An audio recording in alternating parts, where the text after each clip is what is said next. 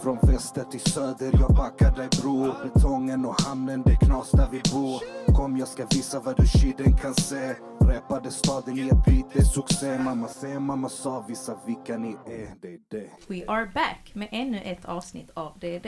I dagens avsnitt kommer vi att prata om den rättsliga processen kring sexualbrott från ett juridiskt perspektiv och mycket mer. Med oss har vi Kristoffer Ståhl och Matilda Evrit. Utifrån era personliga värderingar, hur försvarar ni någon som inte har de värderingarna som ni har? Till exempel så här, sexualbrott mot barn eller något annat känsligt ämne så, som är liksom för alla inblandade. Hur känns Mm. det? Liksom? Ehm, och det, det är en liksom, vanlig fråga man får och en helt naturlig fråga att ställa sig. Men svaret är att det är jätteenkelt. Därför att när man jobbar som försvarsadvokat så försvarar du aldrig någonsin eh, en människas liksom, handling. Alltså du, jag lägger liksom ingen värdering i eh, vad jag tycker om vad som har hänt. Nej. Utan det jag ser till är att om du blir misstänkt för ett allvarligt brott, då ser jag till att eh, dina rättigheter, att, att de upprätthålls. Mm. Att du, du får eh, de rättigheterna som du har enligt Sveriges grundlag och andra lagar. Sen jag också till att din version av vad som har hänt eller inte hänt, att den förs fram och att du får berätta den för polis och för åklagare och för domstol. Och sen hjälper jag dig att formulera det genom att jag för din talan till stor del. Och sen så hjälper jag dig att om du säger att ja, du inte var på den här platsen, då hjälper jag dig att eh, kanske om du säger ja men min mamma kan verifiera att jag var hemma hos henne och jag åt middag och sådär. Ja, men då pratar vi med din mamma. Kan vi åberopa henne som vittne så hon kan gå till domstolen eller helst innan då till polisen och, och berätta att eh, ni var tillsammans och du inte har Ja. varit på den här platsen. Så det vi gör som försvarare är att vi garanterar eller ska garantera att du får en rättvis rättegång eller en rättvis prövning innan en rättegång. Eh, Jag försvarar liksom ingen människas handlande. Nej. Och därför så, så är det liksom rätt så ointressant för mig om det är så att personen döms för eh, ja, ett sexualbrott eller ett mord eller grovt skattebrott. Det är ju klart att jag personligen eh, inte tycker att det är bra. Nej. Men mitt jobb är ju inte att liksom eh, värdera det utan mitt jobb är bara att se till att den personen får en rättvis rättegång. Och är det så att en person är misstänkt till exempel för grova barnpornografibrott Mm. och personen döms men han då eller hon har fått en rättvis rättegång och fått prövning kanske både i tingsrätt och i hovrätt och det är, det är en bra rättssäker prövning. Ja, då ligger ju inte jag sömnlös för att den personen har blivit dömd. Då, då är det så som det ska vara. Det, då jag ligger sömnlös är ju om en person inte får en rättvis prövning. Eh, det är då jag eh, liksom inte är nöjd. Men hur, hur känns det när du företräder någon vars du vet har utfört det här brottet som inte blir dömd? Mm. Hur känns det när de går på fri fot efter det? Precis, men det är också en, en, en missuppfattning hur, hur egentligen hur verkligheten ser ut. För att det är så att när man är försvarsadvokat eh, och är advokat generellt så måste man följa då några regler som heter god advokatsed. Och de säger att om det är så att, säg att jag åker till arresten här i Malmö och träffar på min klient Kalle och så säger han till mig att jag Kristoffer, eh, jag har ju skjutit den här personen men eh, det ska vi såklart inte säga till polisen och eh, du, jag säger att jag är oskyldig och du ska få mig frikänd. Då får jag inte företräda honom längre. Mhm. För att jag får inte, som det kallas, främja orätt. Jag får liksom inte mot mitt bättre vetande driva någonting. Så att svaret är helt enkelt att jag vet ju aldrig om de har gjort eller inte. Nej, Och jag vill inte veta. Mm. Alltså jag säger det liksom att jag, jag, jag stoppar dem istället i så fall. Utan jag, så här, jag, så, jag vill inte gå in på några detaljer, det tar vi sen i så fall ungefär Mm. eh, med, med polisen. Därför att jag vill inte att de ska råka säga massa saker till mig och sen innebär det att jag inte kan företräda dem längre. Mm. Och, och, tanken med den regeln är egentligen som skydd för klienten därför att mm. en människa som erkänner till mig och sen vill att jag ska försvara honom och säga att han är oskyldig. Ja, det kommer sannolikt göra att i längden så gör jag ett sämre jobb. För jag vet ju att han är skyldig. Så innerst inne kanske jag då vill att han ska dömas. Så därför så får jag inte göra det. Så, så det är liksom inget problem. Sen är det också så att de flesta människor, eh, de vill inte berätta, även om de har gjort någonting fel, för sin försvarsadvokat. Därför de tänker ju att eh, jag gör ett bättre jobb om jag tror att de är oskyldiga. Mm. Så att även om de innerst inne vet att de kanske har gjort med skattefiffel exempelvis, så säger de till mig att nej Kristoffer, jag, alltså det här ska vara, inte vara några problem och det här har ju inte jag gjort och det här förstår inte jag, det här kan jag förklara och sådär. Mm. Så att eh, det är inte så att de erkänner och sen sitter man och hjälper dem ut och sen så mm. dricker man champagne och firar. Utan eh, sen kan man ju då som människa och jurist känna att ja, det här kommer nog inte hålla. Alltså nu, nu lutar det här åt en fällande dom. Man är inte, man är inte dum.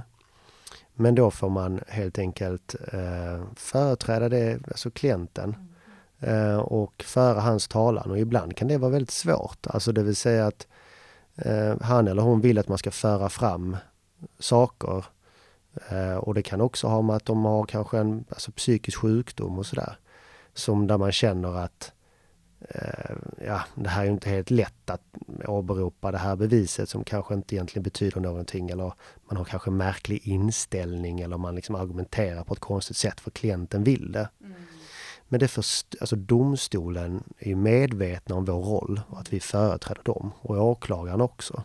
Så de har liksom en respekt för det. Så när de hör argument som kanske är väldigt dåliga eller väldigt eh, fel, då, då lyssnar de och, och liksom tar åt sig. Men innerst inne så tror jag de tänker att det där var ju rätt korkat sagt, mm. men vi förstår varför advokaten säger det. Därför det är hans klient som begär det, så att säga. Jag tänker, får ni välja vilka liksom brott och så som ni vill företräda? Och hur väljer ja. man dem då? Um, man får välja vilka uppdrag man tackar ja till det är frivilligt. Men när man väl har tackat ja till ett uppdrag, då är det väldigt svårt att avsluta det på egen hand. Så att man kan inte tacka ja till ett uppdrag som försvarsadvokat för en person ehm, och sen efter en stund eller efter någon vecka känna oj, det här var inte så kul, nu vill jag hoppa av. Man får alltså inte lämna klienten i sticket. Mm.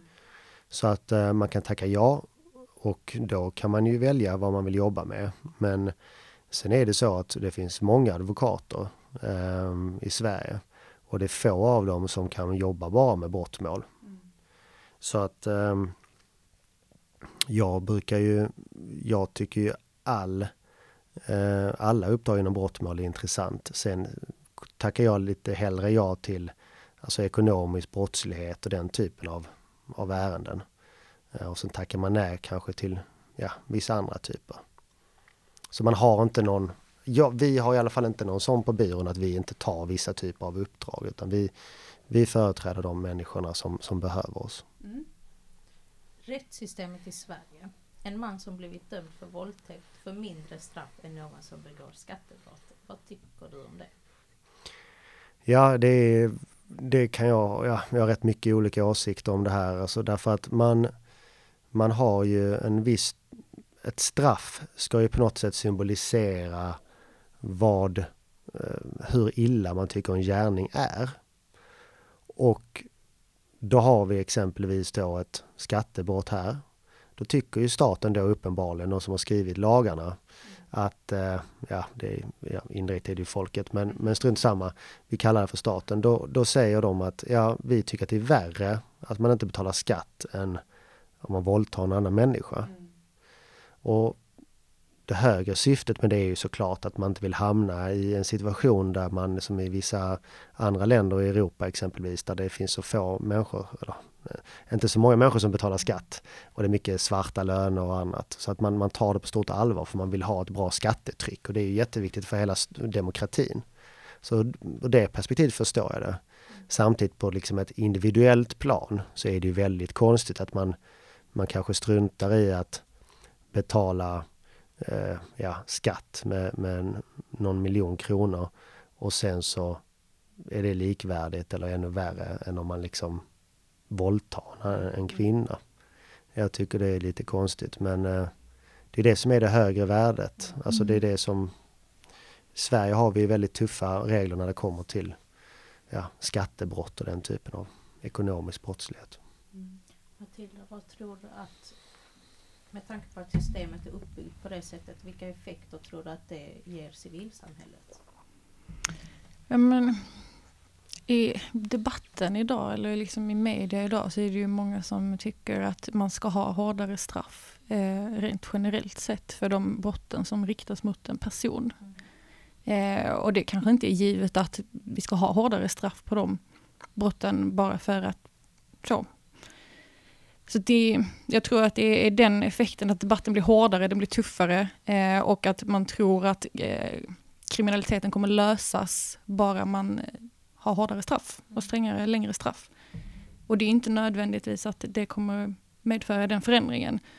Utan precis som vi började, pratade om i början av avsnittet, att det krävs ju liksom det är ingen quick fix, utan vi kräver, kriminaliteten kräver att vi förändrar samhället från grunden. Så att det kopplar sig lite till det. Mm. Och jag tror det är, det är så det påverkar men, civilbefolkningen och det är, det är de tankarna och eh, debatterna man hör. Och det, det, är ofta som jag får höra från nära som också tycker att eh, det är för jävligt. Liksom. Så. Det är ju många som säger att straffsystemet i Sverige är alltså att att, att, att man, ja, alltså man tar väldigt lätt mm. på det. Att det är därför folk faktiskt utför kriminella handlingar. Bara för att mm. de får liksom inte några konsekvenser till sina handlingar överlag. Men hur ser ni på straffsystemet i Sverige? Vad tycker ni fungerar och vad hade ni velat ändra på i sådana fall? Om ni nu fick ändra vad ni än ville, var mm. hade ni börjat? Mm. Ja, alltså där jag hade börjat är då med förebyggande åtgärder, men det har vi varit inne lite på ju. Eh, alltså satsa på barn och ungdomar och skola och så vidare. Men när det kommer till straff så är det ju en, en svår balansgång därför att jag tror att hårdare straff generellt sett leder inte till mindre eller ja, mindre brottslighet. Eh, många brott begås av påverkade människor, missbrukare, som eh, utför liksom mängdbrottslighet som stölder och så vidare. Och eh, missbrukare, de kommer liksom inte ändra sig för att de får någon månad till i fängelse eller något sånt där. Därför att de, är ju, de har ju en sjukdomsbild som gör att de är beroende av, av exempelvis narkotika. Jag tror också då väldigt eh, väldigt gängkriminella om man använder den termen, vilket jag egentligen inte vill göra, men alltså yrkeskriminella människor som är väldigt djupa i, i den världen. De, utifrån vad jag har pratat med dem om, eh, bryr ju inte sig heller. Eh, för det är inte det som gör att de slutar begå brott. De förstår ju givetvis att om de planerar ett mord så förstår de att de till och med kan, kan dömas till livstidsfängelse. Men, men det hindrar ju inte dem. Så att det, den här avskräckande effekten finns inte där heller, tror jag. Och eh, när det kommer till sexualbrott så tror jag också att det är mycket med närstående relationer. Eh, det är påverkade människor som gör dumma saker när de är berusade och sådär. Och det tror jag inte heller gör så att de, om de skulle stå berusade på ett dansgolv eller vara på en efterfest, att de kommer på att anledningen till att jag inte ska göra den här gärningen nu är för att jag får ett år längre fängelse. Det, det finns liksom inte i deras tanke. Så att jag, jag, tror inte så mycket på hårdare straff i, i någon form av förebyggande syfte. Däremot så tror jag att straff måste också på något sätt representera vad svenska medborgare vill ha för konsekvens av ett handlande. Alltså att, att det, om det är så att allmänheten då, om det går att klumpa ihop dem, skulle tycka att ja, men för våldtäkt så ska det vara ett hårdare straff. Och det är inte för att det blir bättre för någon egentligen, men mer för att det ska straffas. Det är det som är syftet. Ja, då får man ju följa. Och, eh, alltså det är ju ändå Sveriges medborgare som bestämmer. Och eh, är det så att man eh, allmänna uppfattningen är att det ska vara hårdare straff, ja, då får man kanske ha lite högre straff. Men man ska inte förvänta sig att det resulterar i någon form av liksom mindre antal sexualbrott eller sådär, för det tror jag inte. Däremot så på det temat så det man skulle kunna fundera på är ju i så fall istället att titta på med upprepande brottslighet eh, som inte har någon och, och planerad brottslighet.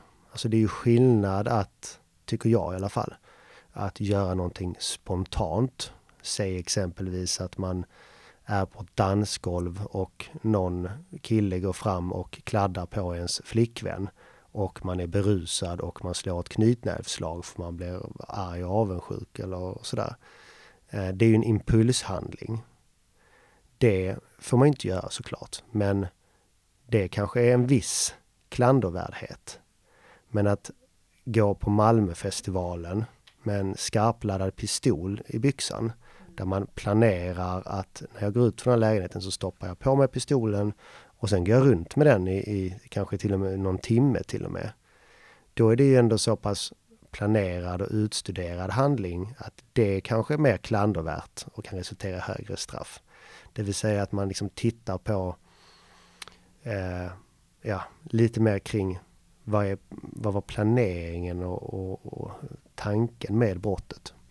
Mm. Det kan jag tänka mig skulle i så fall ge lite högre straff i jämförelse med spontana brott om man får säga, använda det ordvalet. Liksom. Jag tänker mycket på eh, när det är så att någon blir straffad och sen efter det liksom ska integreras in i samhället igen. Jag vet ju om att Finland har ju de tar ju väldigt hårt på rehabilitering i sig, eh, både i fängelset och utanför, att de liksom fortfarande har kontakt med de som har blivit dömda. Tror du att det hade, hade gjort situationen i Sverige bättre? Att man inte, när man väl kommer ut, att man faller tillbaka i det kriminella igen? Har, har ni många återkommande klienter? Ja, det är ju ett, alltså det är ett gigantiskt problem därför att en människa kan ju kanske göra en, en, en dum sak en gång. Men när man har avtjänat sitt straff så ska man ju få en ny chans och då är problemet att det finns så många människor som återfaller i brott och det är så dåligt för, för den personen, det är så dåligt för samhället och det är liksom dåligt för brottsoffren, det är dåligt för alla. Och att man inte gör större insatser, och, ja, man kan kalla det rehabilitering, men, eller återanpassning. Men man måste på något sätt eh, jobba mycket mer aktivt med det. Mm. Och det är inte det, och då kanske folk tänker så här, nej men varför ska vi gulla med de här människorna om det är någon som har suttit i fängelse och kommer ut? Då får väl den personen bara ta hand om sig själv. Men, men det är kanske lite så att vi tjänar på, alltså vi andra tjänar på om den personen får en, en okej okay start när han eller hon kommer ut. För annars så kommer den människan kanske begå brott igen och då blir det negativt för oss andra. Mm. Så att där tror jag att det finns väldigt mycket att göra. Och en sån enkel sak som bostad. Mm. Alltså jag har klienter som, som eh, är liksom misstänkta för allvarliga brott och sådär va. Men, och så sitter de i häktet och så när de blir släppta därifrån så har de inte ens någonstans att bo. Mm. Alltså, alltså var ska du? Ja det vet jag inte. Nej, men jag får väl hitta någon kompis typ. Ja. Och har man liksom inga jobb, inga pengar, eh, man har ingen, ingen bostad. Man slussas mellan olika kommuner, olika socialtjänster och sånt där. Alltså, det, det, du vet, det är så liten chans att, att de helt plötsligt kommer på att de ska läsa upp sina betyg och gå klart gymnasiet och sen börja utbilda sig till något eh, liksom, bra jobb utan det, det, det tar inte lång tid innan de hamnar i, i samma bana igen. Och där borde man ju göra mycket. Och socialtjänsten och så gör ju eh, mycket bra men det, det finns ju nog en rätt så stor brist i kommunikationen mellan olika kommuner och, och sådär. alltså överlag kriminella så som jag har uppfattat det. De, när de väl blir dömda eller utför en kriminell handling så blir de stämplade lite som djur. De är inte en del i samhället. Hur ser du på det med tanke på att du ändå har någon form av närkontakt med den här människan? Du lär ju ändå känna dem på ett lite mer personligare plan än bara att de är kriminella liksom. De har gjort en dålig handling. Ja, alltså de absolut främsta, eller alltså flesta av mina klienter är otroligt bra människor. Och det kan låta så konstigt när man kanske då säger så i det här sammanhanget, men de är verkligen det. Mm. Alltså när, när man pratar med dem så är de eh, liksom omtänksamma, eh, snälla. De vill inte vara i den situationen de är i. Det, det är få jag har haft som klienter som har liksom, ja, typ velat göra det de gör. Utan de flesta vill ju inte det. Och eh, de, vill, de vill bara komma ut. Men eh, Alltså komma ut, och då menar jag inte ut ur liksom anstalt eller häkte eller sådär, utan de vill komma ut i ett riktigt liv. Alltså få ett, ett hem, en man eller fru och barn och liksom gå på fotbollsträning med barnen ungefär eller gå ut och äta på restaurang och Eh, och liksom må bra. Eh, och slippa den enorma stress och press som finns. Av att, så att jag har en extremt bra relation med mina klienter och eh, jag har, de har stor respekt för mig och jag har stor respekt för dem. Och det betyder inte att jag respekterar eventuella gärningar som de har begått, men som människor. Så att jag tror och tycker liksom att man måste satsa på eh, framförallt de här unga människorna. För eh, där finns det stora möjligheter att ge dem en, en, liksom ett bättre alternativ. Det brukar ju oftast grunda sig, eller nu, nu gör jag det som en fråga istället. Mm. Upplever du att de flesta av dina klienter som du har, har fått träffa överlag är i den situationen de är på grund av att de har haft dåliga förutsättningar eh, ur samhällets perspektiv? Liksom? Alltså det är ju, det är ett tudelat ansvar tycker jag. Därför att i Sverige så tycker jag också att man på många sätt gullar med människor.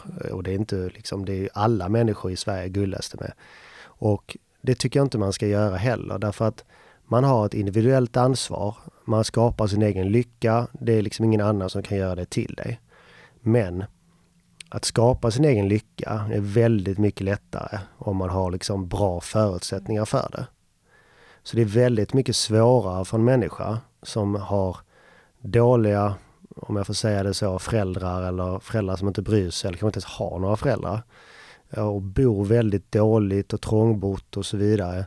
Kanske har väldigt dålig ekonomi eh, och har väldigt svårt i skolan och sådär. Då, då är det svårare för den människan att skapa sin egen lycka om, eh, än vad det var för mig som hade det jättebra. Så att man kan inte man kan inte skylla på, på miljön. Men, man, men bara. Men eh, det, för alla har liksom ett, ett stort individuellt ansvar. Så alla människor har ansvar för sig själva och kan inte skylla på, på någon. Mm.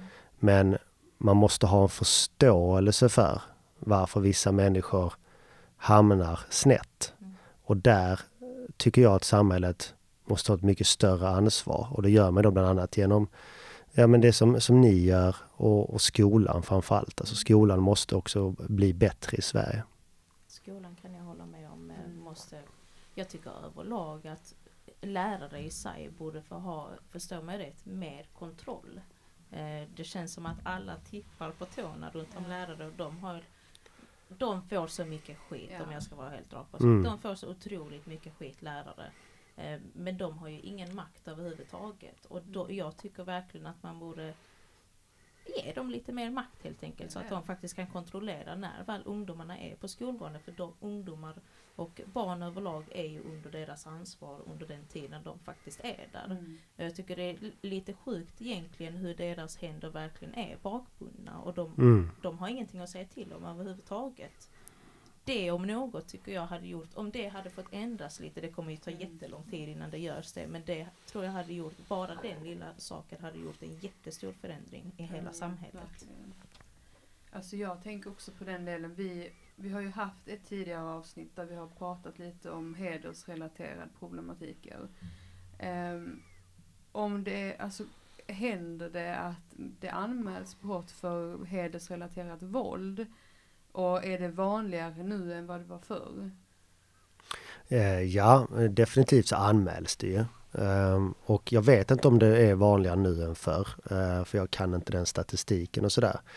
Ehm, men det, det har blivit mer på agendan om man säger så. Ehm, och regeringen och riksdagen kommer sannolikt komma med någon form av lagförslag där, där man ska ändra och införa ett särskilt brott kring hedersbrott.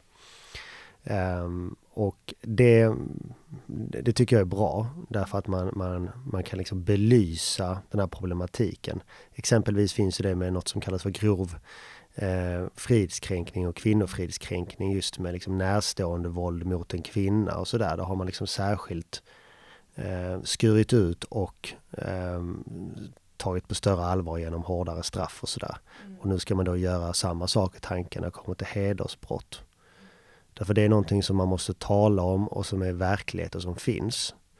Och eh, som är väldigt allvarligt. Ja, precis. Är det svårare att få fram bevis och underlag för de typen av brott? Ja, alltså jag, den frågan kanske åklagare alltså egentligen kan svara bättre på, men min erfarenhet är ju att det är ganska så svårt och det är väl mycket för att det är brottsoffret eh, kanske inte alltid vill medverka eller ändra sig. Mm. Därför det är en sak att det kan ju vara så att en person blir utsatt för ett brott eh, och, och anmälan kommer in på grund av skador, det kan vara skola, det kan vara vänner eller något annat, någon annan som anmäler. Mm. Och själva brottsoffret i sig vill inte att ens familj och släkt ska bli dömda. Mm. Eh, och också rädda kanske för konsekvenserna. Ehm, och därför så blir det ju då svårutrett på grund av det. Sen har man nu ju, eh, och det var nog sen, eh, om jag minns rätt, sommaren 2020 infört en, en grund för att få hårdare straff, alltså straffskärpning. Mm. Om åklagaren då kan bevisa att det, det är hedersrelaterat. Mm. Så är det exempelvis så att en person ska dömas för misshandel och man kan bevisa att det är hedersrelaterat. Mm. Då ska domstolen skärpa straffet bara på grund av det. Mm. Um, men det kommer nog även komma ett särskilt brott. Ja. Tror jag, men det vet jag inte, men jag tror det. Kan man referera till kulturella eller religiösa skäl inom hedersrelaterade brott och är det något som sker? Eh, ja, nu finns ju bara det här då med, med straffskärpningen. Ehm, så det kan man garanterat argumentera för. Eh, om den här nya brottsrubriceringen eh, kommer avseende särskilt hedersbrott och sådär. Då tror jag att man kommer kunna göra det. För att man ska, man ska ju bara... Alltså vad är heder? Det är ju för att en i en liksom bred bemärkelse då att eh, familj och släkt ska få bevara sin heder eller få upprättelse för sin heder. Men heder kan man garanterat definiera på tusen sätt. Mm. Och jag är inte rätt person att definiera det. Men att blanda in exempelvis religiösa skäl tror jag är rätt så sannolikt man kan göra. Om det är så att religionen påverkar ens heder på något sätt så att säga. Mm. Så. Men det är ju många som drar det direkt till den slutsatsen mm. att hedersrelaterat brott är ju på grund av din religion. Mm. Eh, men det är ju allt, vi hade ju som sagt en gästen här eh, någon vecka sedan. Eh, och hon förklarade det som att heder i sig är allting som utsätter din egna heder. Mm. Eh, och det mm. tyckte jag var en jättebra förklaring för det, det kunde jag känna innan också att man, man kopplar det direkt till religion vilket ja. är helt fel egentligen. Mm, mm. Ja det är så mycket mer såklart. Mm. mm. Nu vet jag inte om detta är en fråga till kanske en åklagare istället men eh, om du någon gång har haft en klient som har varit med om hedersförtryck eller våld i nära relation, hur bemöter man dem? Ja men där gör, alltså jag gör ingen skillnad på klienter på det sättet att om det är en klient som blivit utsatt för den typen av brott så är det samma eh, process och det innebär att man inleder ju såklart med att träffa personen och lyssnar och så personen får berätta vad, vad, vad han eller hon har blivit utsatt för. Och sen så förklarar jag ju då min roll och hur jag kan hjälpa så bra jag någonsin kan den här personen. Sen ger man då också, förklarar man hur, hur själva processen går till och vad polisen eh, vill hålla förhör och vad de kommer typ ställa lite för frågor kanske och sådär som man kan berätta om utifrån erfarenhet. Så man gör liksom ingen skillnad där. Det är väl mer att eh, alltså som både försvarsadvokat men som advokat för, för brottsoffer så blir man ju en form av rådgivare också. Och det är klart att om en person kommer till mig och blivit utsatt för ett sexualbrott exempelvis.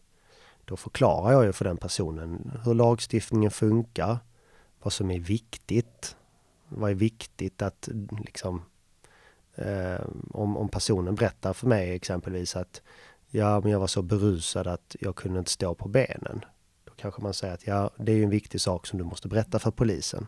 För jag vet att det är en viktig faktor. Samma sak kan det vara med hedersrelaterad brottslighet. Att det kan vara viktigt kanske att berätta bakgrund om eh, familjehistoria och hur familjen är, är ja, konstellation och vad de har för åsikter. Och, ja, det finns ju många olika saker som är viktiga ja, och det, det, lyfter man kanske fram just vid vissa typer av brott. Har du någon gång känt som alltså advokat överlag att när du väl möter en klient eh, som är helt ny och aldrig har träffat dig förut. Är det tillitssvårigheter däremellan eller de är som en öppen bok mot dig? Nej, de är absolut inte som en öppen bok. Men däremot har jag, eh, jag tror aldrig jag haft några tillitssvårigheter utan eh, om man ska jobba som advokat eh, inom den här världen som jag jobbar i, då måste man vara väldigt bra på att liksom hantera människor och lära känna människor och, och lyssna på människor. Och inte vara dömande. Och så den egenskapen har jag och har Matilda och, och, mina kollegor och då när man träffar dem så är de generellt sett i någon form av krissituation. Alltså det, och då tar jag nu då, men tar man till exempel ett brottsoffer, de är i en krissituation för de har blivit utsatta för brott Tar någon som är misstänkt för brott som sitter i arresten och, och är misstänkt för brott. Sitter helt inlåst där utan fönster, utan några kommunikationsmedel eller eh, jag sitter helt ensam och mår kanske dåligt. Och vissa har ju kanske då tagit narkotika och, och är, har abstinensbesvär och så vidare.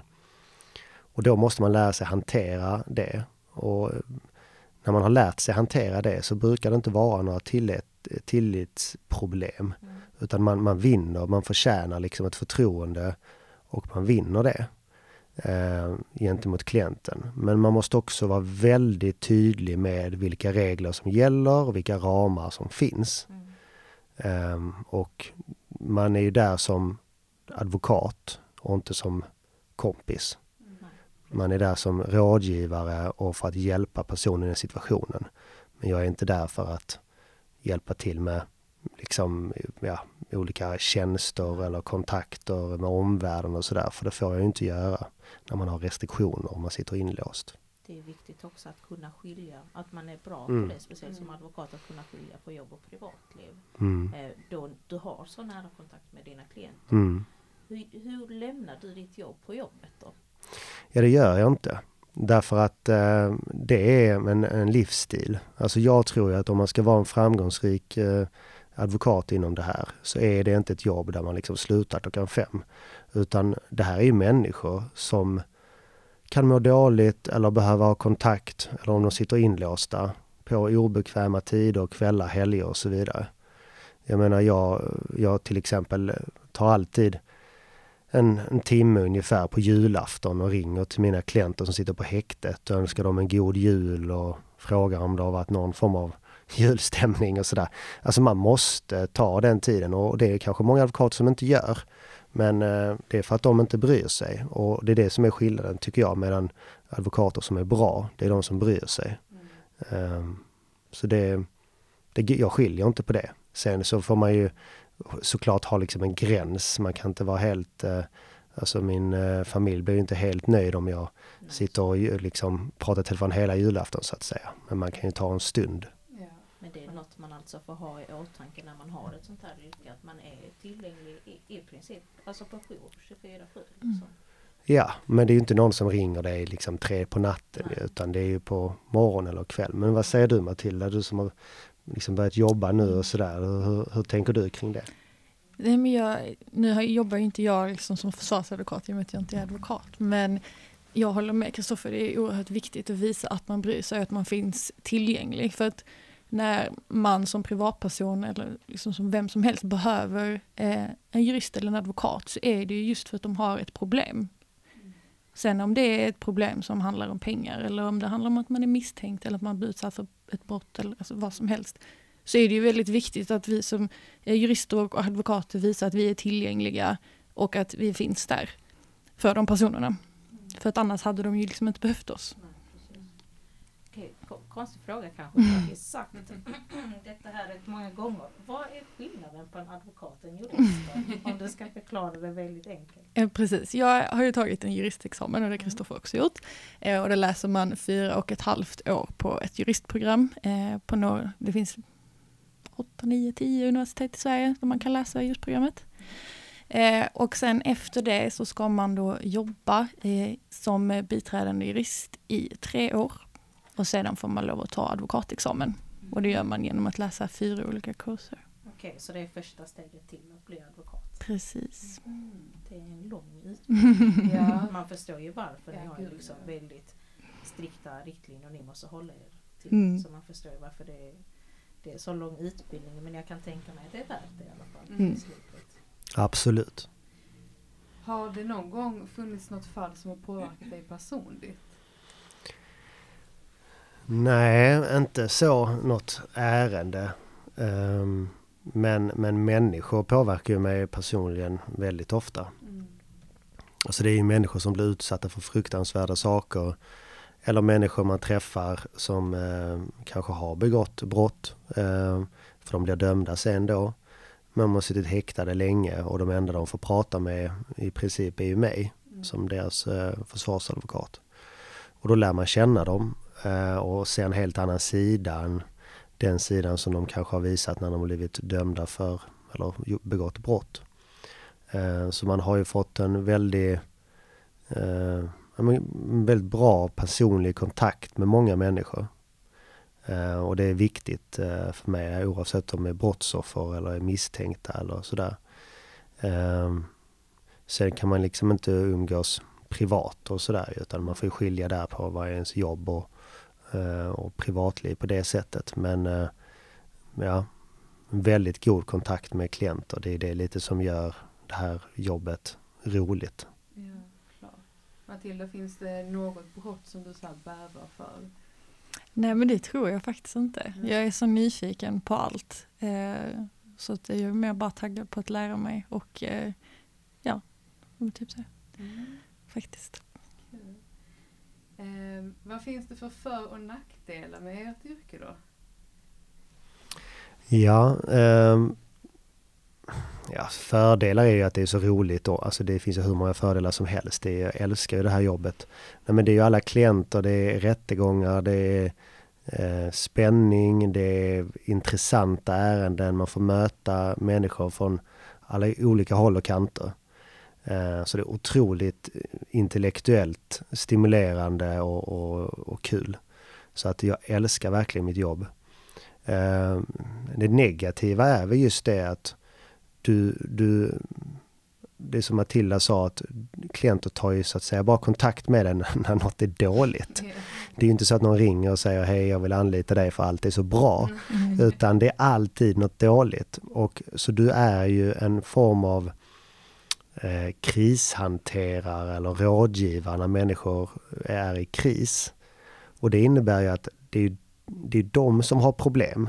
Alltså om de är i en vårdnadstvist eller de är, en, är misstänkta för brott eller de har blivit utsatta för brott. Det är inte jag som är misstänkt för brott eller har blivit utsatt för brott. Men som människa så är det ju ändå lätt att bli eh, personligt engagerad på det sättet att man bryr sig. Och även om man är väldigt professionell och, och försöker stänga av så blir man ju ändå liksom undermedvetet påverkad. Alltså sitter du på en rättegång en hel dag med, vad ska vi ta något som är hemskt, till exempel barnpornografibrott. Mm. Du kan liksom inte komma hem sen och bara vara på kanonhumör. Mm. För det är ju väldigt fruktansvärda saker man har fått se. Så att um, man, negativ är att man påverkas vare sig man vill det eller inte. Och sen är väl också då att man, det negativa är väl också att man, man kan aldrig vara helt ledig. Mm. Alltså du, det, många jobb är ju så att man, man tar semester och sen tar någon kollega över och sen så är man ledig i några veckor. Och man har liksom kanske till och med en jobbmobil på jobbet och sådär. Mm. Men vi har ju liksom jobb på semestrar och helger och sådär och det är ingenting, det får man bara anpassa. Det är liksom en del av, jag brukar säga att det är en livsstil att, att uh, jobba som advokat. Uh, det är liksom inte någonting som man stänger av eller går till och går hem från. Nej. Vilka styrkor och svagheter ser du i det här yrket? Vilka, vilka styrkor måste du ha? Vilka svagheter tror du kommer fälla en om man är jurist eller advokat? Ja, man måste, alltså måste ha skinn på näsan. För att eh, speciellt också, jag vet jag inte om Kristoffer håller med mig, men speciellt som ung kvinna eh, i den här branschen. Eh, just nu är juristprogrammet kvinnodominerat, men jag tycker att branschen, speciellt de topp försvarsadvokaterna som vi har i Sverige, det är ju huvudsakligen män. Eh, så man måste ha skinn på näsan eh, för att kunna handskas med, eh, ja, med branschen.